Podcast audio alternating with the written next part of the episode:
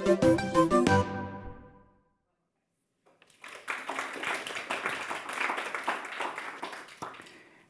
tusen hjertelig takk. Ja, jeg tenkte jo jeg skulle begynne med å presentere meg sjøl, men nå slapp jeg jo egentlig det. Men jeg jobber til daglig eh, som lærer på Metis videregående skole. Og jeg leverte i 2017 eh, en masteravhandling eh, som handlet om resepsjonen av Yahya Hassan i eh, den nordiske offentligheten og i lærebøkene i videregående skole. Men i alle fall. Jeg har også med manus eh, fordi at det blir eh, tatt opp som podkast i tillegg. Siden det ble en litt eh, eksklusiv forsamling her. Eh, og så blir jeg kanskje litt mindre nervøs. Skal ikke bare skylde på podkasten. Um, jeg er jo litt usikker også på hvem tilhørerne er. Altså hvor mye eh, dere kan fra før. Så jeg har forsøkt å være både generell og konkret. Og så har jeg satt av tid til spørsmål og samtale til slutt. Eh, jeg har valgt å kalle foredraget mitt for eh, 'Hvem eier Yahya Hassan?' I 2013 debuterte den da 18 år gamle Yahya Hassan med diktsamlingen sin, som også heter da 'Yahya Hassan'. Med den tittelen skriver han seg rett inn i den hyperrealistiske trenden. Og sånn er han også blitt lest. I en hamrende, ærlig og fortellende stil så viser han frem et liv i en skandinavisk velferdsstat som kan sies å være alt annet enn ordinær. Ved å skrive sitt liv og sin identitet så både fant og mistet muligens Hassan seg selv. Alle har villet bruke Hassan. Og selv ved hans altfor tidlige bortgang 29.4 i år, bare 24 år gammel, ble han brukt som representant for ulike roller og grupper. Og redaktør og nær venn av Hassan, Martin Krasnik, han kalte det hele for en gravplyndring ganske krass retorikk. Eh, og det har egentlig hele debatten rundt Hassan inneholdt. Jeg vil i dette foredraget eh, vise hva det var ved Hassans dikt som skapte så betent debatt. Først og fremst eh, vil jeg vise det gjennom å se på diktenes innhold, men også ved å peke på det særegne ved måten han skriver på. Jeg ønsker også å si litt om hvem Hassan er, både ut ifra det han selv har ytret, og gjennom det som er blitt kjent gjennom mediene.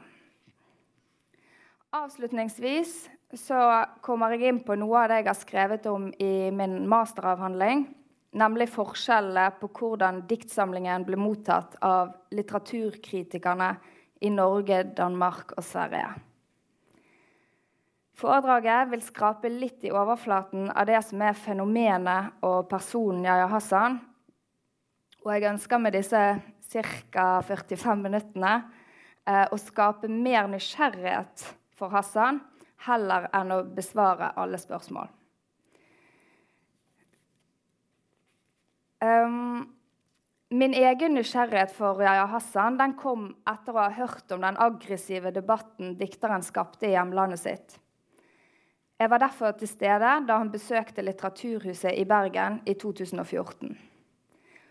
Opplesningen der den føltes som å få eh, timevis med action og thrillere og sånne her eh, høytempofilmer konsentrert ned til det helt ekstreme, formidlet med hamrende slag, med en påminnelse om at virkeligheten den er alltid verre enn fantasien.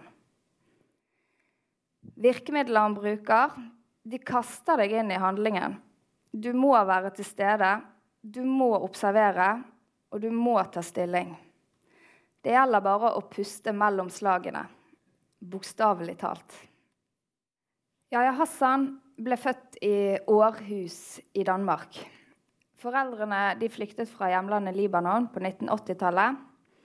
Og selv, så, sånn som det står på diktsamlingen også, så omtaler han seg som statsløs palestiner med dansk pass. Det gjør han egentlig på begge to. De er ganske like. Forskjellen er at på eh, toeren, som eh, kom vel i fjor, så står det 'stadig stats, statsløs palestiner med dansk pass'. Um, I litteraturens verden så er han Danmarks mestselgende dikter noen gang. Og Nordens mest omtalte samtidsdikter. En skikkelig god diktsamling. De selger kanskje 2000 eksemplarer. Hassans første solgte 122 000 eksemplarer i Danmark. Og litt over 10 000 i Norge. Han hadde en eh, oppvekst preget av vold. Han droppet ut av skolen, og han var inn og ut av institusjoner. Det var etter at læreren hans på en av disse barnevernsinstitusjonene beskyldte han for å ha jukset, at han ble oppdaget som et litterært talent. Han besvarte beskyldningen om juks med å skrive en ny tekst på strak arm. Lærerne hans ga han deretter en rekke litterære klassikere, og som 18-åring debuterte han som dikter. Siden den gang har han ikke fått være i fred og har fått både debutpriser og dødstrusler. Parallelt med en dikterkarriere så fortsatte han seg også en kriminell karriere. I 2018 ble han dømt for 42 forhold som bl.a. innebar trusler, vold, sjikane, blotting, våpenbesittelse, narkobesittelse, hærverk og væpnet ran. Og dette var etter at han året før eh, hadde skutt en 17-åring i foten. Um, Kultureliten de applauderte et eh, rebelsk og spennende vidunderbarn. Men gutten som kunne skrive poesi, han var fremdeles den gutten som han skriver om i diktsamlingen. Og kanskje så ble den store omveltningen til et kjendisliv for mye for han. I Danmark så ble det på et tidspunkt skrevet flere artikler om Yahya Hassan enn daværende statsminister Helle Torning-Smith. Hassans eget formål med å skrive dikt var å komme inn på sannheten om sitt eget liv. Han var sterkt inspirert av vår egen Karl Ove Knausgård, som også bl.a. skriver om relasjonen til sin far og bretter ut livet sitt i minste detalj. Alle diktene hans kan beskrives som utleverende, rå og ærlige. Pga. sine kontroversielle skildringer av innvandrermiljøet så vel som eh, velferdsstaten Danmark har både høyresiden og venstresiden i dansk politikk brukt diktsamlingen som vitnesbyrd. Han skriver om sin voldelige far som slår og kommer med trusler. Han skriver om et dansk system som ikke fungerer. Om religion som noe hyklersk. Og om hvordan det er å vokse opp i spennet mellom to kulturer. Hans e egen aggresjon danner et skremmende bakteppe for hele diktsamlingen. Hassan har selv sagt at han har lyst til å skrive dikt som sier noe om noe. Altså liksom politiske dikt. Han syns det er for mange drittdikt, ikke mine ord, som ser fine ut, men ikke har noe å formidle. Jeg har lyst til å lese et dikt for dere som heter eh, 'Treplanker'. Jeg kan kanskje nevne at uh, den norske oversettelsen av diktene hans er gjort av uh, Pedro Carmon Alvarez. Um, dere kan følge med her samtidig om dere vil. Treplanker. Han sa ikke 'habibi'. Han sa hendene eller føttene og knekte en treplanke av sengen som manglet en stripe fra høyre mot venstre. Madrassen bulte ned. Mine søskens skrik fra rommet ved siden av overdøvet mitt. Døra til kjøkkenet der mor lagde mat, ble lukket. Hvis hun blandet seg inn, sa han, er det mannen eller kvinnen som bestemmer? Da han var ferdig, kunne jeg nesten ikke gå eller stå opp mot veggen med armene strake og en løftet fot, akkurat som han ville ha det. Han tok seg en røyk og samlet nye krefter. Og før det ble min brors tur, tok jeg av meg sokkene, ba, ba ham ta dem over på sine egne og si føttene. Sånn som vi opplever i treplanker, så gjengir han en konkret situasjon. Eh, som om han står utenfor og observerer, eh, men han befinner seg midt i handlingen. Og dette er veldig nøkterne og objektive språket og det totale fraværet av følelser det forsterker på en måte her den dramatiske situasjonen. Og så overlater han til oss som leser, å leve oss inn og, og føle frykten og slagene selv. Og vold er, eh, som vi også så i Treplanka, eh, et av gjennomgangstemaene hos Hassan. Han skildrer vold i alle former. De er systematisk, de er tilfeldige, de er psykisk og de er fysisk. Det er vold i hjemmet, det er gjengvold, politivold, selvskading og overgrep. Volden følger Hassan gjennom hele hans liv. Og selv om han selv begår mye av volden, er det vanskelig å ikke stille seg ubehagelige spørsmål som hvorfor og hvem som er ansvarlig. Det er høyaktuelt med vold blant innvandrerungdom. Eh, og kanskje burde vi eh, og Bergen politikammer eh, også lese Hassan for å utvide forståelsen for denne aggresjonen. Nært eh, knyttet til eh, vold ligger også temaet skam. Han ønsker å vise frem skammen. Eh, der sier han selv at det er en direkte inspirasjon fra Knausgård. Han har en far som slår, og han har lyst til å vise frem den undertrykkelsen og ydmykelsen med begrunnelsen om at litteraturen skal være som virkeligheten. Barndom også er et av de temaene som får eh, mest oppmerksomhet, eller har fått. Eh, kanskje fordi hans mest kjente dikt eh, heter 'Barndom', det som vi hørte innledningsvis. Men kanskje også fordi alle de alvorlige temaene som eh, tas opp, er knyttet til barn. Og det blir ekstra sterkt når det er eh, eh, eller sånn, Når alt rammer små barn, og det, det følger de gjennom hele barndommen. Andre tema som han også tar opp eh, i diktene sine, er hvordan eh, velferdsstaten eh, svikter de som befinner seg på bunn. Integreringen er mislykket, og han beskriver eh, flere steder hvordan systemet prøver å få han til å passe inn i alle mulige program for unge. Eh, hvordan familien svindler til seg velferdsgoder, og hvordan politiet ikke er til å stole på. Mislykket integrering viser seg også i følelsen av utenforskap. Det er en gjennomgående konflikt at han verken anses som en fullverdig danske eller kjenner seg som en fullverdig muslim og palestiner. Dette gjelder også hvordan andre ser på han, som han fint beskriver når han sier eh, Dere ringer og kaller meg vekselvis bror eller danske. Og Aggresjonen den kommer til uttrykk både mot danskene og mot familien.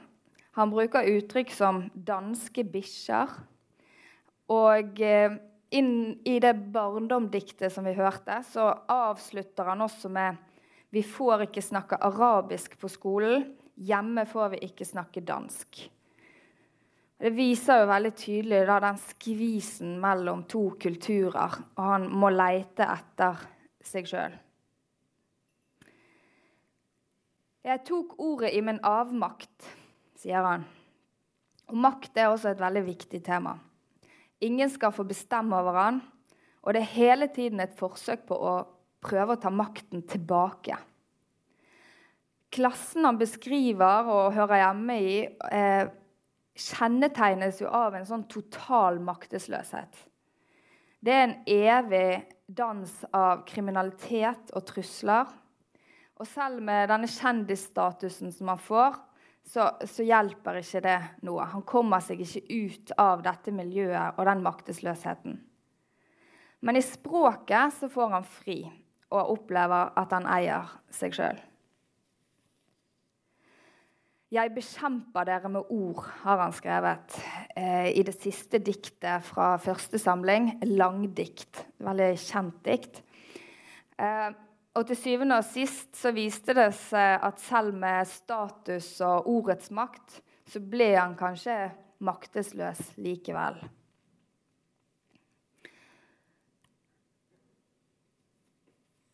Sitat hentet fra et av diktene hans. og så hvem er du, din fucking perker? Eh, perker, kanskje jeg skal forklare det. Det er da en eh, sammenslåing av palestiner og tyrker. Og egentlig brukt om alle eh, innvandrere i Danmark. Og når de snakker om eh, perkerdansk, så er det eh, tilsvarende kebabnorsk her hjemme, da. Men tilbake til eh, tittelen til foredraget mitt. 'Hvem eier Yahya Hassan?' Eh, det er ingen tvil om at eh, identitet er et sentralt tema her. Han ville nok helst ha sagt, sånn som Åsa Lindeborg, 'meg eier ingen'. Men mange presset Hassan inn i roller og gjorde han til talsmann for sin egen agenda. Hassan skrev muligens for å bli fri, for å skrive seg ut av fordommer og myter han hele sitt liv var blitt presset inn i. Han ville fortelle om seg selv. Ja, Hassan. Sitt liv, sin person. I det offentlige ble han likevel perkeren, muslimen, løvetannbarnet, diktergeniet, svikeren, den kriminelle eller offeret. Han leker også selv med de ulike forventningene og rollene sine. Han eh, skriver her og til perkene foran butikken jeg sier purken, de er dum men jeg kødder til ordstillingen. Til fettrene mine sier jeg 'ikke kødd til flaksen min med horegrammatikken deres'. Uh, ja. um, han fordummer seg sjøl ved å rote til ordstillingen, samtidig som han understreker at han gir vekk historien sin når han nederst i dette sitatet sier uh, Empati, det har jeg ikke. Empati. Men jeg gir vekk barndom og fire søskenes barndommen til papir. Men jeg avdekker foreldre og fire søskenes foreldre. Og meg, jeg drar i skjegget på deres Gud. Spørsmålet er jo kanskje om han også gir vekk seg sjøl. Vi ser jo her, eh, som er liksom gjennomgående i begge samlingene, at det er et oppgjør med både religion og foreldregenerasjonen i et forsøk på å kanskje finne seg sjøl. Det kan jeg ikke svare på om han gjør, men eh, det er, et, likevel et interessant spørsmål. Han ble, og er kanskje fremdeles, den enkeltskjebnen som blir alibiet i en eh, politisk debatt. Han er denne personlige historien som journalister og politikere elsker. Og Hassan serverer jo denne historien på sølvfat. Selv ikke døden fikk jo være hans egen. Den svenske kritikeren og forfatteren Athena Forkshad skrev en nekrolog over Yahya Hassan i Dagens Nyheter. Her stilte hun spørsmålene Hvem drepte deg, Yahya? Var det klassesamfunnet? Var det den danske statsrasisme? Var det patriarkatet? Var det Israels fordrivelsespolitikk? Var det byrden ved å oppfinne et felt? Var det mediene? Dette var altså den samme nekrologen som eh, Hassans venn da kalte for en gravplyndring.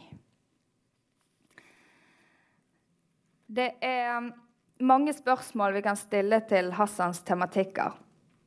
Og jeg har tenkt eh, en del på det Hassan selv sa om sannhet og det skamfulle, og at han hadde veldig lyst til å være ærlig. Jeg har stilt eh, med spørsmålet om det også kan være et slags oppgjør mot hans generasjon, som er så fryktelig opptatt av fasade og at alt skal fremstå så perfekt og korrekt. Der eh, andre ungdommer legger på filter på filter, så gjør Hassan seg sjøl helt naken og helt sårbar. Eller kanskje på den måten helt usårlig. Så eh, jeg har stilt et spørsmål til deg. da, eh, Om kanskje denne selvbiografiske og utleverende trenden kan være en motvekt til sosiale mediers perfeksjonisme. Så det kan vi jo eventuelt ta opp i den eh, samtalen som vi kan ha etterpå. Jeg har også lyst til å si eh, kort eh, noe om de mest fremtredende virkemidlene som Hassan bruker. Og jeg vil begynne med eh, Coveret på dem de er veldig like. Det er bare totall som skiller eneren og toeren. Det er jo i svart-hvitt. Eh, og det svarte opp mot det hvite kan kanskje vise til en eh, polarisering. Er han i så fall ironisk eller ikke? Og finnes det kun ytterpunkter? Eller ønsker han å kritisere en debatt som kun fokuserer på ytterpunkter? Ingen av temaene som Hassan tar opp, fremstilles som en verden i svart og hvitt. En annen tolkning eh, kan jo være eh, knyttet opp mot hudfarge. At det gjelder oss og de.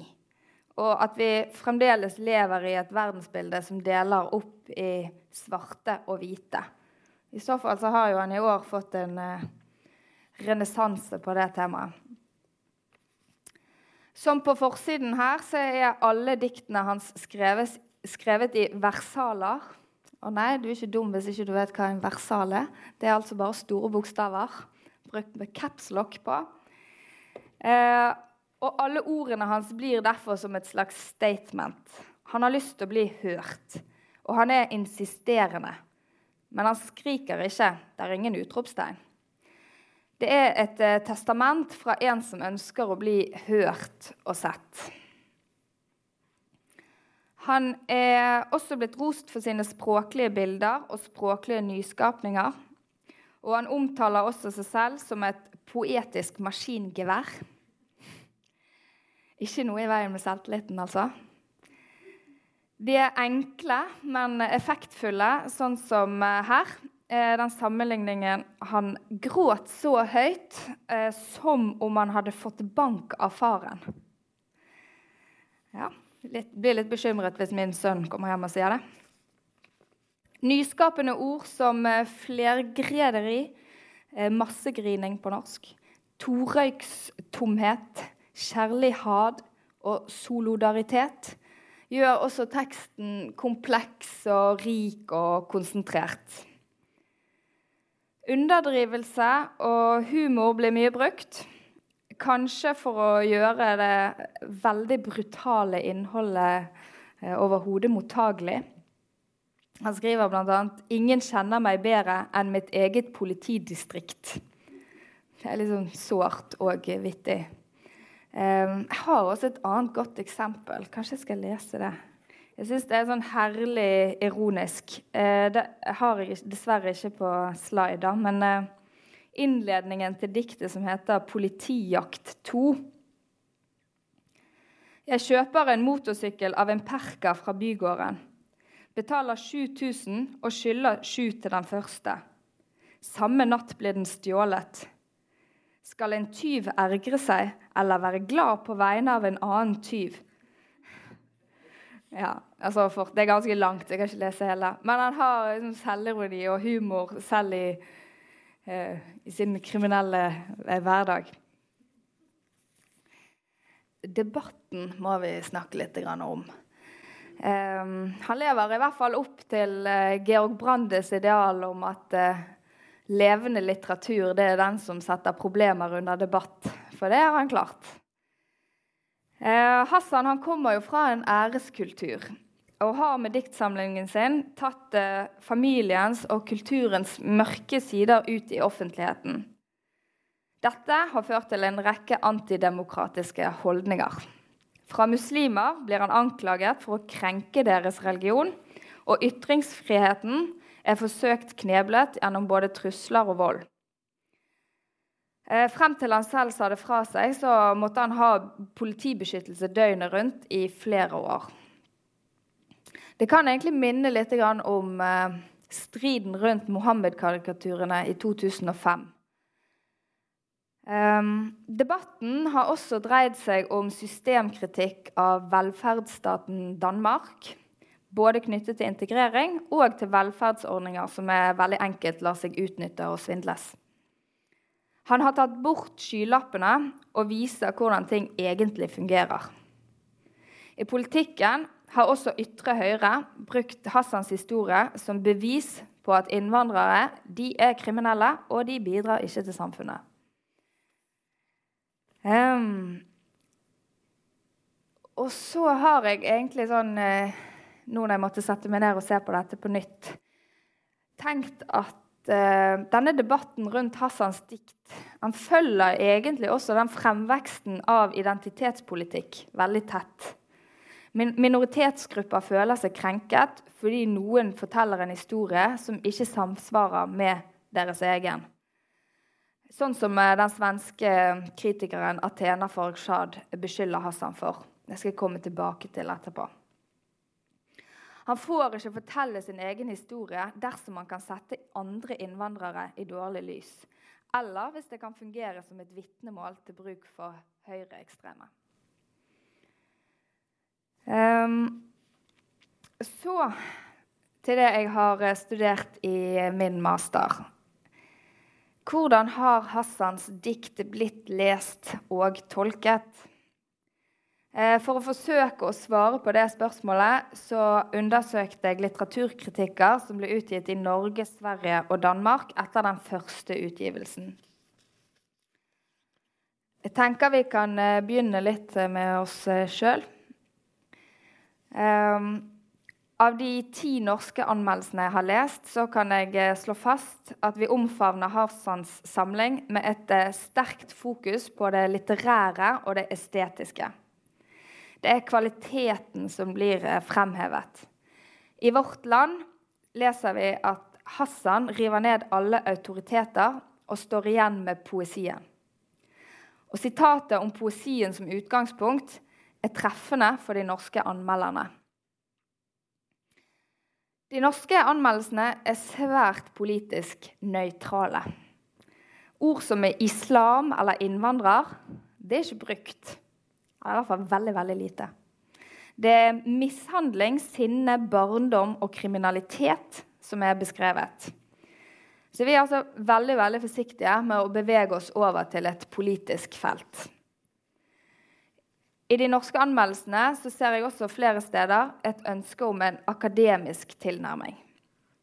Susanne Christensen skriver ikke bare er langdikt skrevet på perkadansk, det er også pepret med imponerende intellektuelt vokabular. Og Hun avslutter anmeldelsen med Kemiri og av og til Hassan skriver med et raffinement som ville fått Jacques ører til å blafre. Vi hvite, autentisitetssøkende lesere får avslørt den innebygde eksotismen i blikkene våre. Så her er det referanser til både litteraturteori og til andre eh, forfattere. Sier jo kanskje litt om hvilke lesere hun ser for seg. De norske anmelderne har altså et sterkt fokus på den litterære kvaliteten og klassiske litterære temaer som farskonflikt og en ung manns raseri. Eh, flere av anmelderne trekker paralleller til annen litteratur og plasserer Hassan i en litteraturhistorisk kontekst. Så Hassans samling eh, er i Norge i liten grad en del av en politisk diskusjon. I Danmark har jeg lest seks, men, seks anmeldelser, mer omfattende. Og Her er det viktig å få frem at Hassan allerede har vært omtalt mye i mediene. Så Det store spørsmålet i de danske anmeldelsene er, som Thomas Ry Andersen skriver, om Hassan med sin diktsamling blott har begått et debattinnlegg, eller om han rent faktisk kan skrive. Konklusjonen på spørsmålet synes likevel å være at diktene er litterær kunst og ikke debattinnlegg. I de danske anmeldelsene virker det umulig å ikke kommentere den eh, debatten som diktsamlingen skapte. Det er likevel det litterære og det språklige som får mest oppmerksomhet fra litteraturanmelderne. Det kan jo være for å fylle sin rolle som litteraturanmeldere, siden journalistene allerede har eh, kommentert tematikken og det betente innholdet. De svenske anmeldelsene de er også lange, og jeg har sett på seks stykker. Det er jo eh, som med korona, at når svenskene kommer på banen, at det blir litt interessant. Um, Yahya Hassan kanskje ikke mente å dikte politisk, men det er umulig å ikke lese dette private liv på et politisk sett, skriver anmelderen i Litteraturmagasinet. Og Hele hennes anmeldelse dreier seg om Hassans politiske budskap og om den virkeligheten som han beskriver. Hun representerer en tendens i de svenske anmeldelsene, nemlig å fokusere på budskapet og de mulige følgene Hassans innhold kan få. Og det er mer. Athena Farukshad, igjen, i Aftonbladet har fått mye oppmerksomhet for sine uttalelser om Yahya Hassan. Alt fra det første avsnittet deler hun verden inn i oss og de. Og der hun skriver det kjennes umulig å skildre dem for en overveiende hvit offentlighet. Og hennes anmeldelse handler om rasisme, fremmedfrykt og fordommer. Hun mener at Hassans samling er farlig, og at han heller bensin på bålet i en allerede betent debatt. Og at diktene hans er med på å bekrefte fordommer og stereotypier de hvite har mot mørkhudede innvandrere. Så tross at jeg tror på Hassans smerte, og tross at han sier at Dansk Folkeparti er nazister når de anvender hans bok for sine egne interesser, er han ikke fri fra ansvar om den spiller dem i hendene. Eh, Malm i Sydsvensken tar opp samme problematikken og innleder sin anvendelse med 'Viktor Malm er urolig' urolig for at Yahya Hassans debutdiktsamling kan komme at misbrukes, og skriver at han med sine dikt vil gi de fremmedfiendtlige kreftene vann på sin kvern. Ja, Jeg skal få lov å synke litt inn. Jeg har noen eh, spørsmål knyttet til eh, denne resepsjonen av eh, Hassans dikt i offentligheten. For jeg lurer egentlig litt på hva dere tenker om den norske og svenske lesemåten. Bør vi være redde for sånne historier? Bør vi ignorere at fortellinger kan bidra til å øke rasisme? Bør vi lese litteratur som kun litteratur? Og er debatten om Yahya Hassan en del av den identitetspolitiske trenden? Jeg skal få gruble litt på det til, eh, til slutt. Som en eh, forlengelse av den svenske mottagelsen så er det interessant å se litt på en orientalistisk tilnærming til litteraturen. Dette blir litt sånn litteraturteoretisk, eh, men jeg skal prøve å forklare litt hva, som, eh, hva vi legger i det. da. Først finnes det sammenhenger mellom resepsjonen av Hassans verk og et postkolonialt syn på litteratur. Postkolonialistisk litteraturteori handler om skillet mellom oss og dem. Der oss er innbyggerne i de vestlige landene, og dem det er alle de andre. Bakgrunnen for de postkoloniale litteraturteoriene er, som begrepet avslører, Vestens kolonialisering og makt over store deler av de resterende landområdene på jorden. Teoriene peker på hvordan dette maktforholdet og synet på det ikke-vestlige fremdeles ligger som underliggende holdninger i litteraturen og mottagelse, mottagelsen av litteraturen. Men eh, Hassan han eh, leker og peker eh, selv på denne fordommen som vi har. Det finnes ikke et fasitsvar på om vi er preget av sånne fordommer i vår lesning, eller om vi klarer å vri oss fri fra han. Eh, og dette kommer eksplisitt frem i flere av anmeldelsene.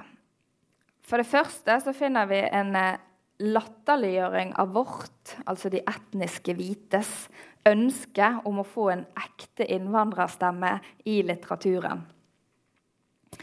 Røsing i Politikken, altså en avis i Danmark, han trekker frem skolens morsmålslektorer. Jeg føler meg liksom skyldig der. En ironisk hilsen nettopp til den forventningsfulle litteraturlektor. Ok, nå stiller jeg meg opp som den du ville have. Nå poserer jeg som slagkraftig nydansker med kreative språkfeil. Sånn at vi da i undervisningen vår kan bruke det som eksempel på kebabnorsk eller perkadansk. Så kanskje vi leter litt etter eh, det eksotiske. En annen dansk anmelder trekker frem eh, og som det fremgår, har Yahya Hassan i motsetning til alle debattørene, ikke selv noen naiv forestilling om at hans jeg er en entydig størrelse, f.eks. en autentisk gettostemme. Han giver tvert imot den stereotype gettostemme. En flott, brun, lange mann like i fjeset. Og vrister seg fri av den og erobrer sin egne, langt mer subtile stemme. Her bekrefter eh, eh, Nils Lyngsø samtidig at vi har en bestemt oppfatning av alle som Yahya Hassan. Dvs. Si de brune som Hassan må riste seg fri fra. Han får samtidig godt fram paradokset ved å lese Hassans verk orientalistisk. Dersom Hassans popularitet kommer av Vestens behov for å få bekreftet synet på de andre, som barbarer og annerledes enn oss på en negativ måte, så er det jo påfallende at ingen ser hvordan Hassan også leker med fordommene, og at hans språkmakt og hans status som dikter langt på vei motbeviser synet som vi søker å finne på hans gruppe. Jeg tenker at en bevisstgjøring rundt orientalistiske lesninger kan få oss til både å tenke over egne forventninger knyttet til innvandrere, til hva som er en sannhet, og kanskje blir enkeltindividet Yahya Hassan tydeligere gjennom at han utfordrer oss som lesere og viser oss hvordan vi ser på alle innvandrere som en del av en gruppe. Jeg lurte litt på det. Nå kom det litt langt ned. Men eh, ville vi fått samme debatt dersom eh, Yahya Hassan altså, Hvis han var en hvit gutt fra Loddefjord og skildret akkurat de samme forholdene, ville vi fått samme debatt? Til ettertanke.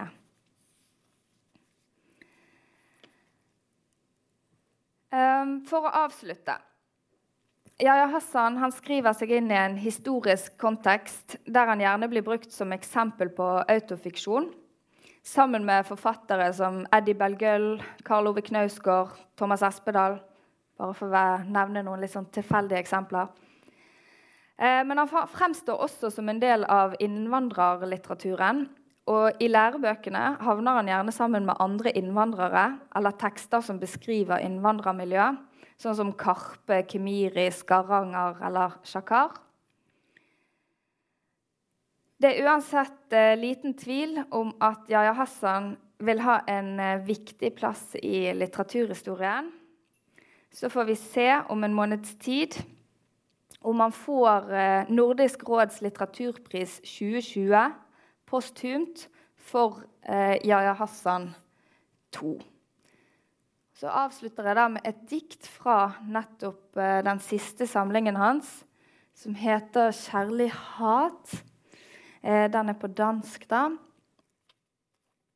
Um, vi skulle have omfavnet hinanden, men ramlet sammen som to insekter.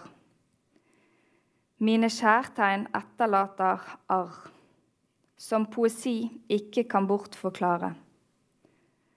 Så nå er jeg, mine kjære, der hvor det gjør minst skade, der hvor det gjør minst ondt. Sånn. Takk for meg.